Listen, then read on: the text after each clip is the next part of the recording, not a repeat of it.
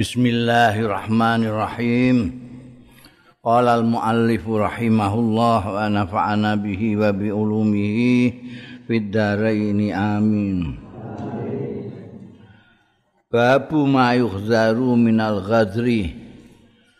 Bab barang sing kudu dihindari minal ghadri saking cidra.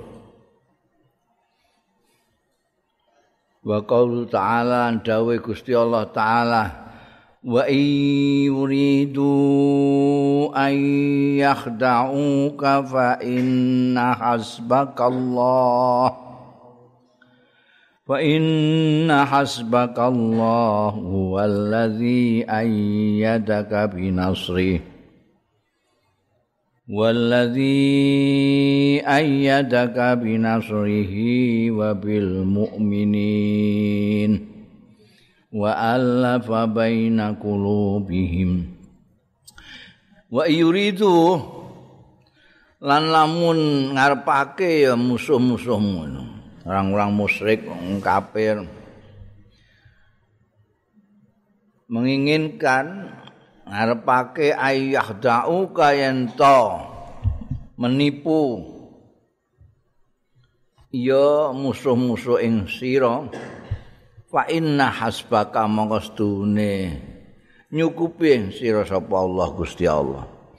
Wa utai Gusti Allah iku allazi ayyazaka sing mendukung sing nguati ya lazi ka ing sira binasrihi kelawan pertolongane lazi wabil mukminin lan kelawan pertolongane wong-wong mukmin. Wa alafa lan ngrukunake sapa lazi baina qulubihim antarane ati-atine mukminin. Ya. Kanjeng Nabi Muhammad sallallahu alaihi wasallam itu kan utusane Gusti Allah.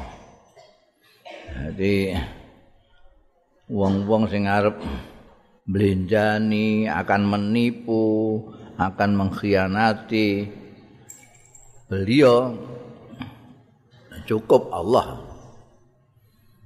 Karena Allah yang mendukung utusannya dan tentu saja secara lahiriah dan umat Islam yang ada di belakangnya Rasulullah Sallallahu Alaihi Wasallam.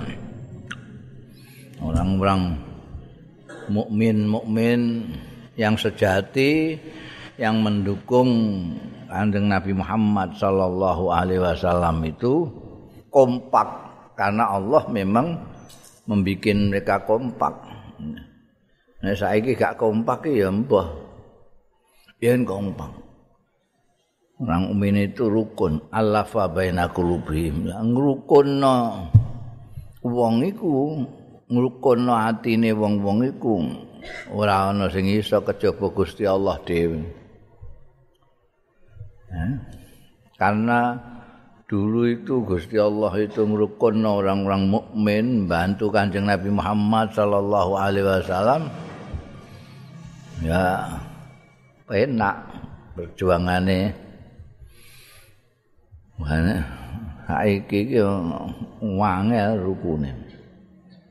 Mbok upayakno piye nek Gusti Allah gak ngersakno ya ra iso rukun. Anune sanepane kaya wong sembayang.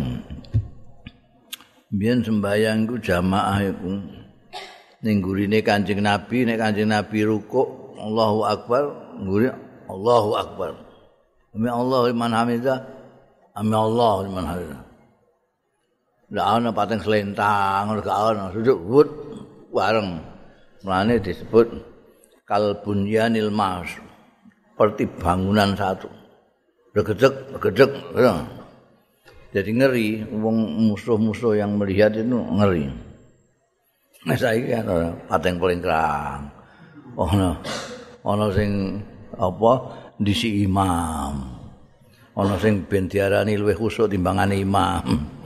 Imame wis jenggelek ini gak jenggelek-jenggelek.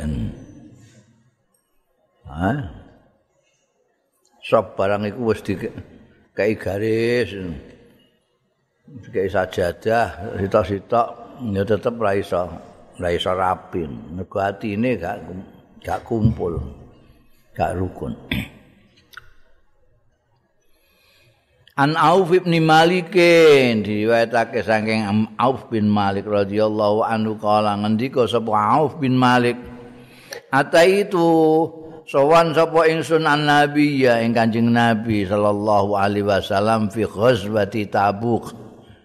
Tabuk ya kena Tabukin ya kena iku ghazwat Tabuk. Tabuk itu yang paling jauh dari Madinah. Ini sudah mendekati Syam Kalau orang mau ke Sam lewat Medina terus itu ratusan kilometer sampai Tabuk. Itu kan tidak salah itu perang yang terakhir kan kanjeng Rasul Shallallahu Alaihi Wasallam perang Tabuk.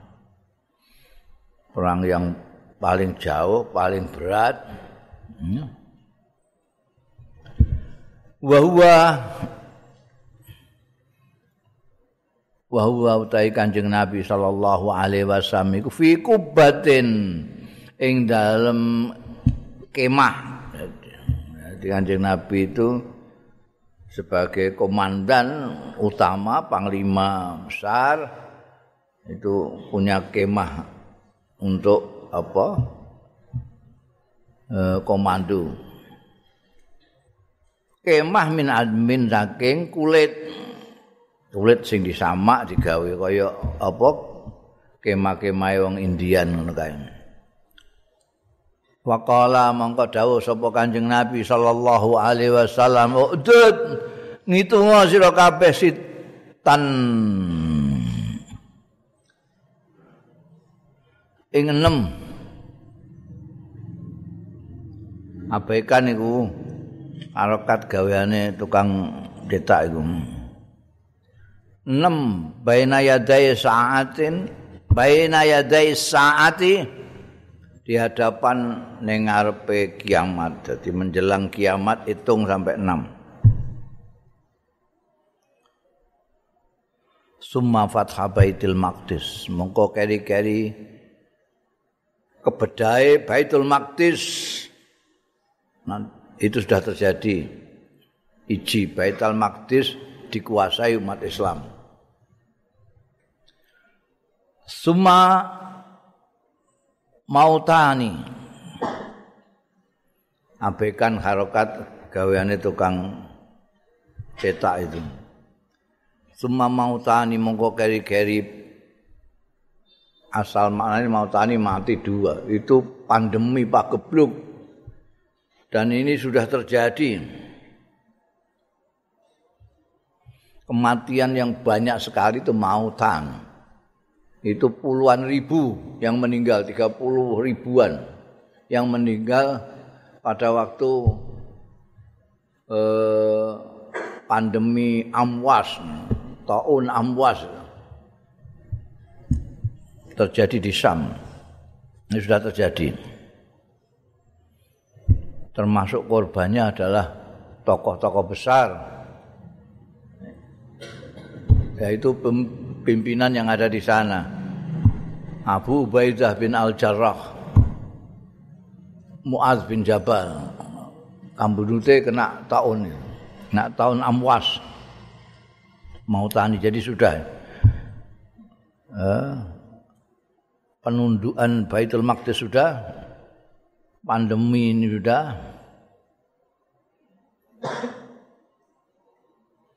Ya'khudhu fikum. Ngalap ya mautani fikum ing dalam sira kabeh kal kusasil ghanam. Kaya penyakit namanya penyakit anu biyen ning kene kena penyakit apa sing sapi iku apa? Flu sapi apa? Apa? Flu burung. Iku lho sing ana sapi-sapi. Itu namanya penyakit itu. Jadi kalau kena penyakit itu usaful ghanam itu melar itu sebentar meninggal terus. Yang diserang itu juga pernapasan seperti corona sekarang ini. 30 ribuan itu.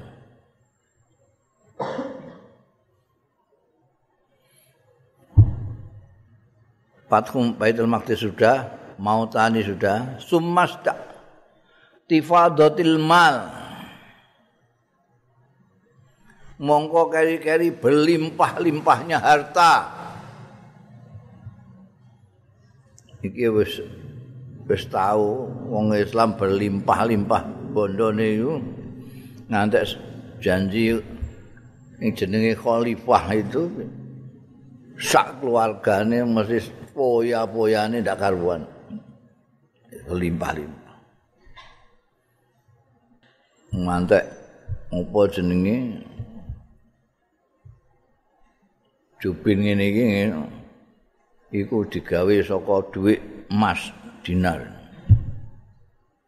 Ora aturan ngene tapi ngadeg. Hmm. Ngadeg dijejer-jejer.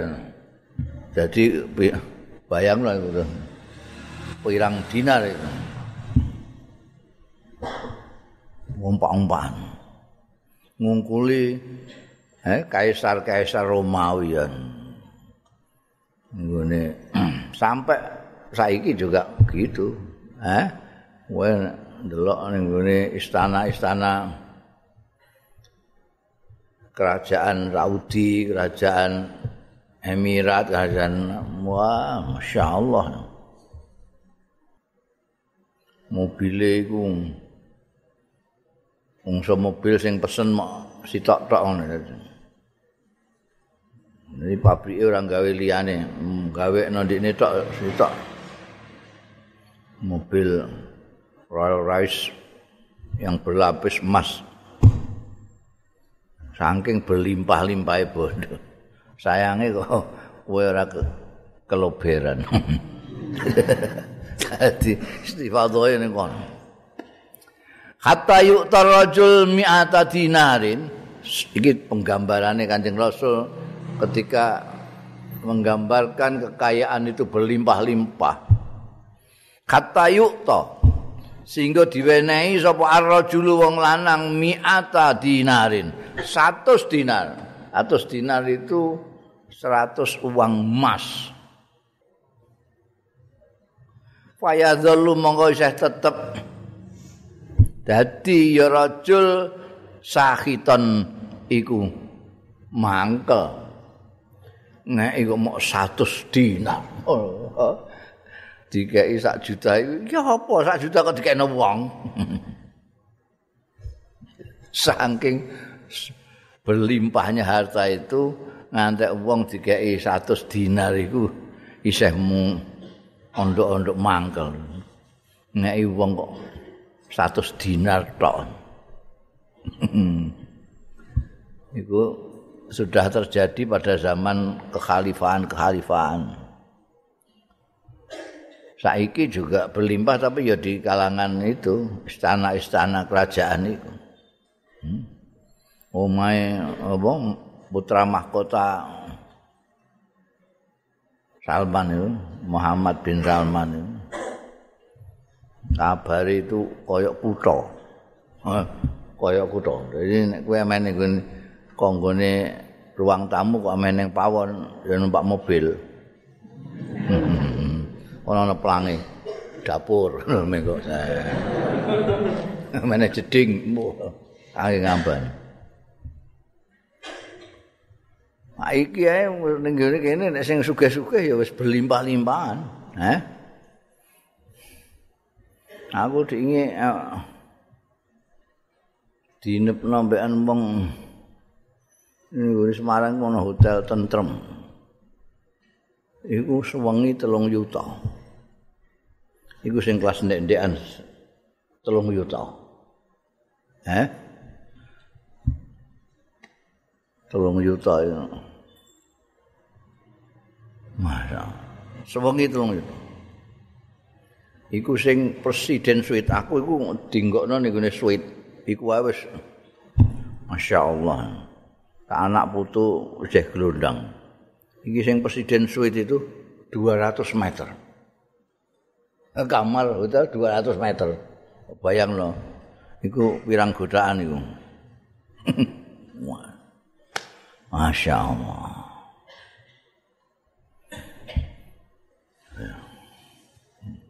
Oh, coba takokno mangan sak piring piro.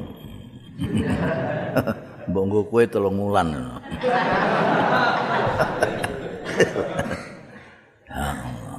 Hmm. Limpahan, Masya Allah. Summa fitnatun layap baitun minal Arab illa dakhalathu. Terus terjadi fitnah. Layap ko ora keri apa baitun satu rumah minal Arab bisa wong Arab illa dakhalathu kejaba ngleboni ya fitnahu ing bait. Summa fitnatun layap ko baitun minal Arab illa dakhalathu mauta kematian-kematian. Dimulai dari rumahnya tokoh besar menantune Kanjeng Rasul sallallahu alaihi wasallam sendiri. Orang yang kaya raya pemimpin khalifah yang ketiga itu sudah terjadi fitnah dan beliau terbunuh dalam fitnah itu. Sayyidina Utsman bin Affan. Rumahnya digerebek sama orang-orang oposan-oposannya itu. Biar di sana oposan tapi eh, oposan saiki saya kalah. Puasare. Jadi dua tangkan dari Mesir padahal itu kan di Medina. Dua tangkan itu pemberontak-pemberontak dari Mesir untuk menduduki mereka di sekeliling Sayyidina Utsman itu, Sayyidina Utsman kan orangnya orang khusyuk, orang alim, orang ahli ibadah, ahli Quran gitu. Jadi sing ngelilingi iki kebetulan enggak kebenaran itu. Bangsane Marwan segala macam itu yang dibenci sama rakyat terutama rakyat Mesir. Tapi yang tinggal sasaran Sayyidina Utsman. Dikeroyok ngantek terbunuh beliau pada saat membaca Al-Qur'an. Jadi dimulai di sana. Nanti terus terjadi itu di rumah-rumah mana ya. Hah? Sayyidina Ali dibunuh pada waktu sholat subuh. Sayyidina Husain dibunuh pada waktu di Karbala. Terus,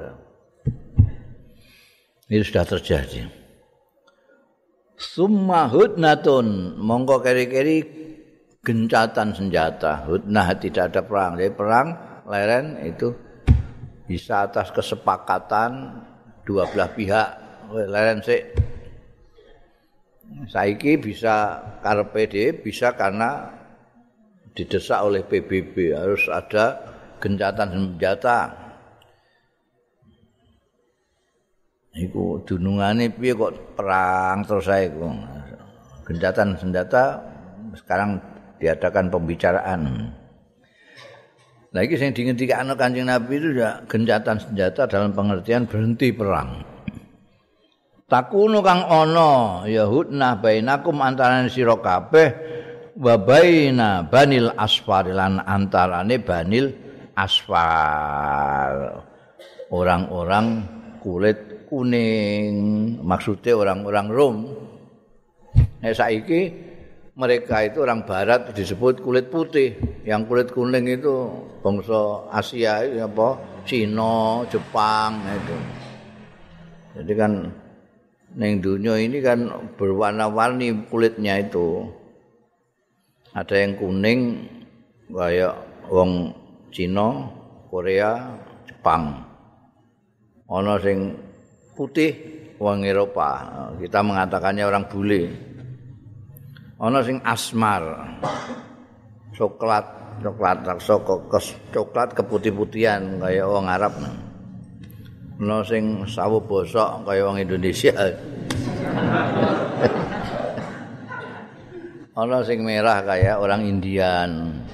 Afrika itu hitam, bahkan Senegal itu sampai kayak biru, rangking irengnya. Tapi mbien sing disebut Banil Asfar itu orang-orang Rom. Orang-orang Rom. Dan itu mereka punya kaki tangan kaki tangan rojo-rojo cilik di Timur Tengah itu di Syam, di Palestina, di ya. Di ya sing saiki ning orang-orang Arab Mesir, Iskandaria. Sementara yang Irak, Afghanistan itu jajane Iran. Biyen Parsi itu. terjadi nanti itu akan terjadi gencatan senjata antara kalian ini orang-orang Islam, orang Arab dengan orang-orang Romawi. Payak duruna mongko nyidrani ya bani asfal gencatan senjata itu kan harus kedua belah pihak ada perjanjian-perjanjian tidak boleh melakukan gini hmm? tapi mereka belinjani apa menipu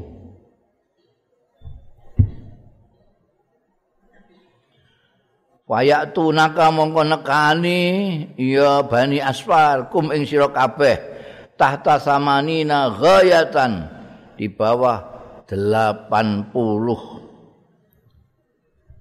80 apa jenenge peleton apa-apa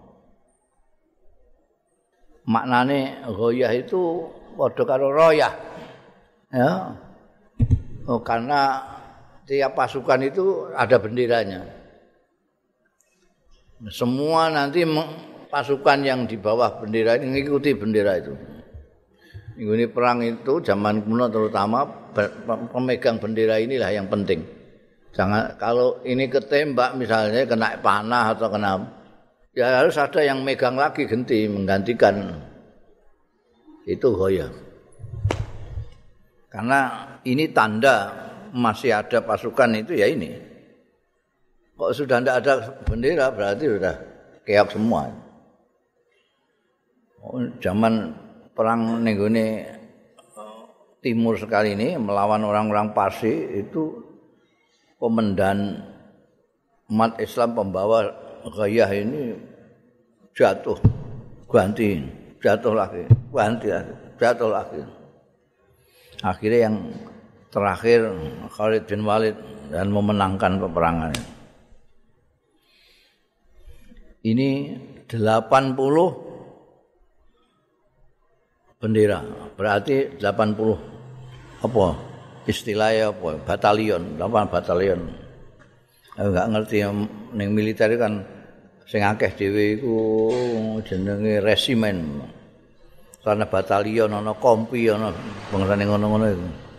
Masing-masing ada jumlahnya itu. Nah ini yang dienggo hitungan bendera. Ada 80 ghaya. Tahta kulli ghayatin iku di bawah setiap bendera isna asyara alfan belas ribu pasukan. Pengno Pengen hmm. Pengno. Pasukan jumlahnya dua belas ribu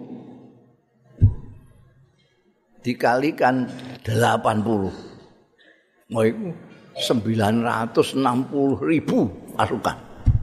Enggak gemen-gemen. Dalam saat ada hutnah munine apa gencatan senjata. Tapi mereka nipu dalam kondisi gencatan senjata di sini sudah tidak lagi dalam kondisi siap untuk perang mereka mendatangi dengan 960 ribu pasukan. di bawah 80 bendera. Dan itu sudah terjadi semua. Terjadi. Ini berarti tanda kiamat sudah dekat.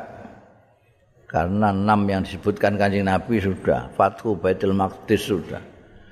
Uh, pandemi yang membunuh puluhan ribu orang sudah. Uang berlimpah-limpah sudah. Eh? Fitnah sudah. Orang mati di mana-mana. Sampai apa namanya eh, khianat dari orang-orang Rom terhadap orang-orang Islam sudah.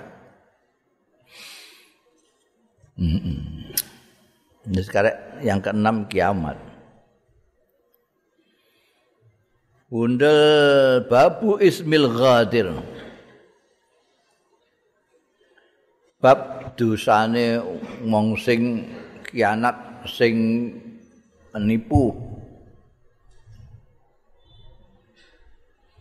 An Ibni Umar riwayatake saking sahabat Abdullah bin Umar radhiyallahu anhuma kala ngendika sapa bin Umar rami tumireng sapa ingsun an nabiyya ing Kanjeng Nabi sallallahu alaihi wa alihi wasallam.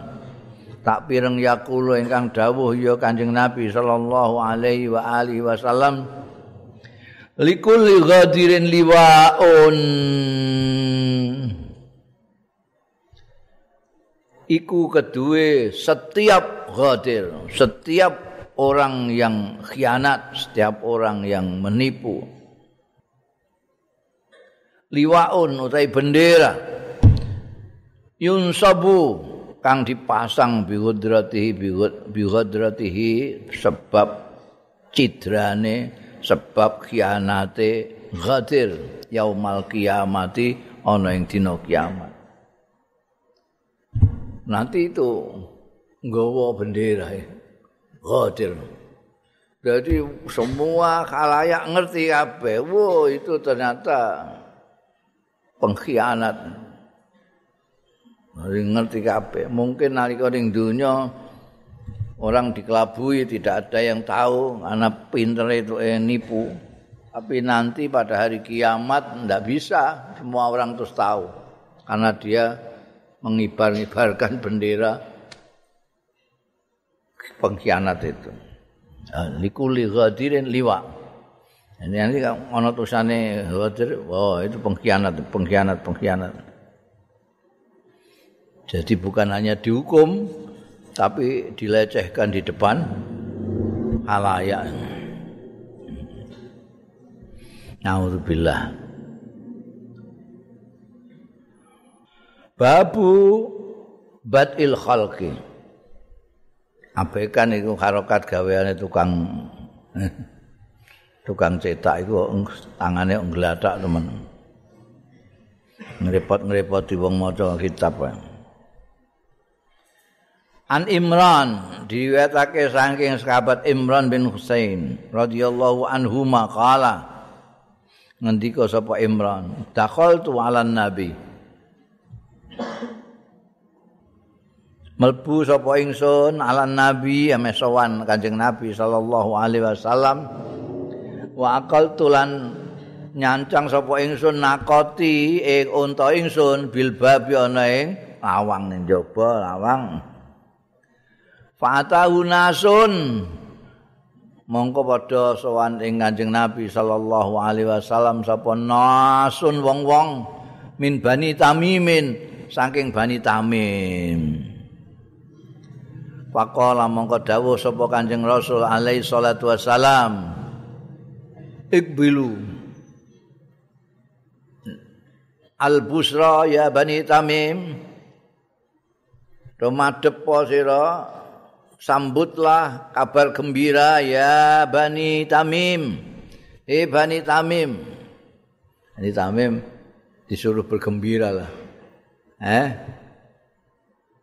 Sambutlah kabar gembira wahai Bani Tamim. Kalu pada matur ya Bani Tamim, qad basyartana fa'tina mautain marratain. Jawabane Bani Tamim didhawuhi Kanjeng Nabi Bilul Busra. Sambutlah kabar gembira itu kok jawabe kok kat tanah. Teman-teman sampun menggembirakan panjenengan ing kita. Fatina, mongko kula mugi paring panjenengan ing kita marrata ini. Double kaping kalih. Artinya minta eh, jatahnya itu dilipat gandakan. Oh, Bani Tamim iki tamak iki dadi terus dikandani Busra ya Bani Tamim sambutlah kabar gembira. Nggih, jenengan pun memberikan kabar gembira. Nah saat paringi kalau double. Tumadakhala mongko keri-keri melebet alaihi ing atase Kanjeng Nabi sallallahu alaihi wasallam. Sopo nasun beberapa orang min ahli Yaman ini ahli Yaman mau soko Bani Tamim. Bani Tamim itu daerah Taif itu itu. Kalau Yaman jauh sebelah selatan Jazirah Arab. Pakola mongko dawuh sapa Kanjeng Nabi, "Ubulu al-busra" Padha karo ning gone wong-wong Tamim mau Kanjeng Nabi ndawuhi sambutlah kabar gembira ya ahlal Yamani eh ahli Yaman Islam yakbal habanu Tamim. Jalalan ora gelem nampa. Ha ing busra sapa Banu Tamim. Kowe saiki ya sing nampani kabar gembira wong-wong Yaman wong-wong Tamim ora gelem dik mau. Kalu padha matur ya ahlul Yaman, qad qabilna. Maling kok seterusnya itu umat-umat Islam di mana-mana itu penganjurnya ada ini itu banyakkan dari Yaman. Indonesia barang kan akeh. Hampir semua orang Yaman semua. Kalau pada matur ya bani yang ahlul Yaman qabilna nampi kita ya Rasulullah do Kanjeng Rasul. Kalu padha matur ya ahlul Yaman, jinaka ansowan kita kaing panjenengan pancen nas'aluka. Badhe nyuwun pirsa kita kaing panjenengan an hadzal amri saking menika perkawis. Busra menika. Nek mau langsung rumangsa jadi orang-orang ahli tamim tadi ketika didawi kancing Nabi sambutlah kabar gembira itu disangka ya mau dikasih duit itu kabar gembira dari kancing Rasul itu kamu dapat duit tapi kalau ini enggak ini mah ditanyakan dulu apa itu jadi kita mau tanya soal itu Kala dawuh sapa Kanjeng Rasul sallallahu alaihi wasallam. Kana Allah walam yakun sayun ghairu. Ana ono sapa Allah Gusti Allah walam yakun lan ora ono apa sayun suatu ghairu liyane Allah. Jadi Allah itu sudah ada sebelum adanya apa-apa. Qabla kulli syai'in. Obla kulisyain yang ada hanya Allah saja, tidak ada apa-apa. Wa kana arsyu alal ma lan ana apa arase Gusti Allah iku alal ma di atas air. Wa kataba lan nulis netepake sapa Allah fi dzikri ing dalam Al-Qur'an kullasyai'in ing saben-saben suci apa saja.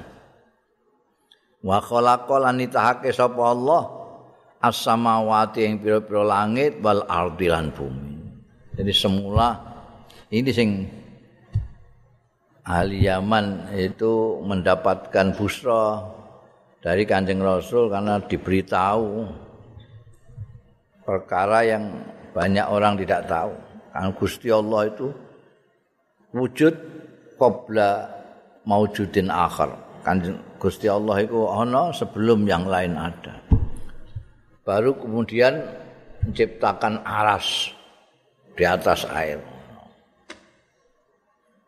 Aras itu piye bentuknya, di atas air itu piye, wallahu a'lam. Iku Gusti Allah ngendikakno ngono disampaikan karo Kanjeng Rasul sallallahu alaihi wasallam kita mengimani mengimani saja. Setelah itu apa namanya Gusti Allah menetapkan apa saja di dalam kitab-kitabnya terutama kitab Al-Qur'anul Karim. Jadi banyak ulama yang menafsirkan az-zikr itu Al-Qur'an. Ya. terus menciptakan langit-langit dan bumi. An Abi Hurairah ta, sahabat Abu Hurairah radhiyallahu anhu kala ngendika sapa sahabat Abu Hurairah. Kala dawuh sapa Rasulullah sallallahu alaihi wasallam. Lama qada bareng mutusi sapa Allah menetapkan sapa Allah Gusti Allah al khalqa ing makhluke kataba mongko nyatet netepke dana malaikat sing didawin nulis netep ketetapannya Allah taala ini. Kataba itu? Ya bukan Allah sendiri tapi malaikatnya. Minta untuk nyatet fi kitabi yang dalam kitabe lauhil mahfud. Bahwa mengkau tai kitabu iku indahu ana ngarsane Gusti Allah. Fauqal ars di atas aras. Catat terus dicatat ambekan malaikat. Ning gone lauhil mahfuz ning gone kitabe sing ditaruh di atas aras. Tulisannya piye dicatat ya Inna rahmati ghalabat ghadabi Oh. Setuhune rahmat ingsun iku ghalabat ngalahake ghadabi ing bendu ingsun. Ana wong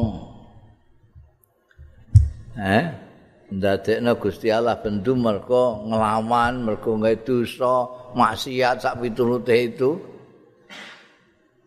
Itu nek jaluk ngapura di ngapura mergo rahmate Gusti Allah ngalahno ghadabe ana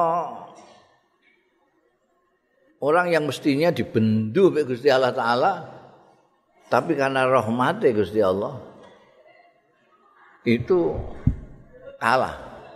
Jadi misalnya ku uh, kisah populer sing apa jenenge? Kisah sing viral iku ana begenggek sing nulungi astu apa sing sing kehausan itu itu di Ngapura Gusti Allah hanya dengan nolong asu yang kehausan karena dia pikir ini sama dengan saya saya jadi kehausan Bayang dia begengge itu, katakanlah dibendu misalnya. Karena Yahono ya ini begengge itu kan maksiat ning Gusti Allah. Tapi karena persoalan sidik iki mau bahwa begengge ini merahmati anjing ciptaan Gusti Allah. Gusti Allah iso ngapura memang mergo catatan dhuwur wis kadung inna rahmati ghalabat ghadabi. Nah iki sing marakno awake dhewe optimis kan gitu Gusti Allah itu ya apa-apano lebih menang rahmate timbangane bendune Ar-Rahman Ar-Rahim ya Ar-Rauf Al-Halim pirang-pirang asmane Gusti Allah sing menunjukkan bahwa memang rahmat. Seperti pernah saya katakan bahwa rahmat Gusti Allah itu 100 satu di antaranya dibagi wong sak alam dunya mulai zaman Nabi Adam nganti saiki. Yaitu rahmate wong tua ning gone anake. Mbok ning gone bayine. Induk terhadap PE, itu, itu rahmat-rahmat itu satu saja. Sementara yang 999 itu miliknya Allah sendiri. Dipakai oleh Allah Subhanahu. Jadi luar biasa. Oh, tapi ngantek kalah. Babu zikril malaika. Bab nutur para malaikat-malaikate Allah. Wa ahabballah an demene demen sapa Allah yuhibbuka demen ing sira sapa anasu manusa. Wa atwaru khalqin nutfah lan proses-proses tahapan-tahapane penelitian penitahane nutfah. Jadi ini bape akeh iki. Yang pertama bahwa kalau Gusti Allah menyintai maka manusia akan menyintai.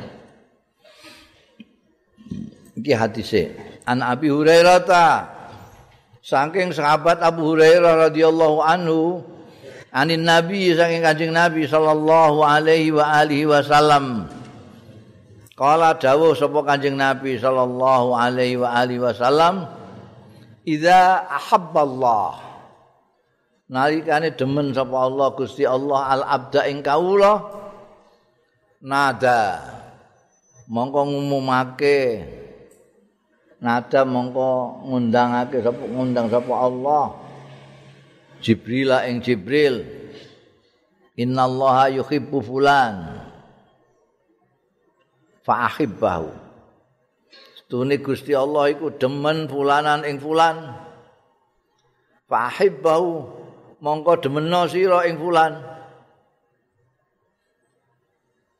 Marga didhawuhi Gusti Allah ngono fayuhibbu mongko demen ing fulan sapa Jibril malaikat Jibril. Fayunadi mongko ngundangake sapa Jibril. Sapa Jibril Jibril fi ahli sama. Ngumumno ning gone ahli sama ahli langit. Malaikat-malaikat tak ngumumna innallaha setuhune Gusti Allah iku yuhibbu. Demen apa Gusti Allah fulanan ing fulan. Fa ahibbuhu mongko demenno sira kabeh ing fulan. Fa yuhibbuhu mongko demen ing fulan. Sapa ahli sama? Ahli langit. Penduduk-penduduk langit menyintai semua. Summa yudha'u lahul qabul. Mongko diselehake lahu kanggo fulan apa alqabulu penerimaan fil ardi ing dalem bumi ya.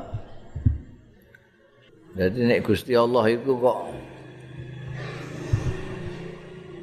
menyintaimu itu akan diberitahukan kepada malaikat Jibril. Cintanya Allah kepadamu. Malaikat Jibril terus menyintai juga malaikat Jibril itu elok-melok janji Gusti Allah menselawati anjing Nabi dia juga ikut. Allah malaikatahu salluna ala nabi. Nek mak apa jenenge? Gusti Allah ngapura kawula-kawulane malaikat juga gitu. Nah ini karena Gusti Allah ndawuhi malaikat Jibril aku seneng karo fulan, kalau si fulan itu. Malaikat Jibril pun kemudian menyukai fulan. Terus umumno ane wong-wong eh ane penduduk langit malaikat-malaikat iki Gusti Allah menyintai fulan. Kalian juga harus menyintai. Mau kabeh do menyintai fulan. Karena itu lalu fulan ini ning donya diterima oleh orang banyak, disenangi oleh orang banyak. Ana ya. Iku iso mbok walik nek kowe iku bagaimana kamu berusaha supaya disukai orang banyak. Disukai orang banyak ini terus jadi tondo nek kowe disenangi karo Gusti Allah taala. Ya mbok walik. Joko ngenteni wah aku iki kok gak seneng mbek aku. Nah. Kamu berusaha untuk apa namanya? Nah itu wis enek dalane carane ada kok ning Quran enek. Ning Quran iku semuanya di dituturkan ada. Mana disebut az-zikr itu. Kowe kepengin dicintai Gusti Allah. Kalau kamu dicintai Gusti Allah, kamu akan dicintai malaikat. Kalau kamu dicintai malaikat akan dicintai manusia. urutannya. Lah untuk dicintai Gusti Allah iku mengikuti Kanjeng Rasul sallallahu alaihi wasallam. Ya. Kul iki dawuh Gusti Allah, kul dawuh Muhammad in kuntum tuhibbunallah fattabi'uni yuhibbukumullah. Katakan Muhammad Kalau kalian betul-betul menyintai Allah, ikutilah aku, aku Muhammad. Maka Allah akan menyintai. Nah. Jadi kunci ini mengikuti jejak Kanjeng Rasul sallallahu alaihi wasallam karena kamu nggak tahu ning dhuwur iki ada siapa saja yang dibicarakan Allah kepada malaikat Jibril Pak maka cara kamu kuncinya ya dawuh Gusti Allah sendiri. Piye? Ngetokno Kanjeng Nabi. Dengan ittiba'ur Rasul sallallahu alaihi wasallam yuhibbukumullah. Allah akan menyintai kalian. Ya. Jadi ini juga bisa untuk menandai kalau ada orang disukai orang banyak, orang mukmin disukai orang banyak itu bisa jadi tanda Oh, ini dicintai oleh Gusti Allah taala. Mulane hati-hati mbek wong-wong sing ngono-ngono. Hmm. An Zaid bin Wahb bin wallahu alam.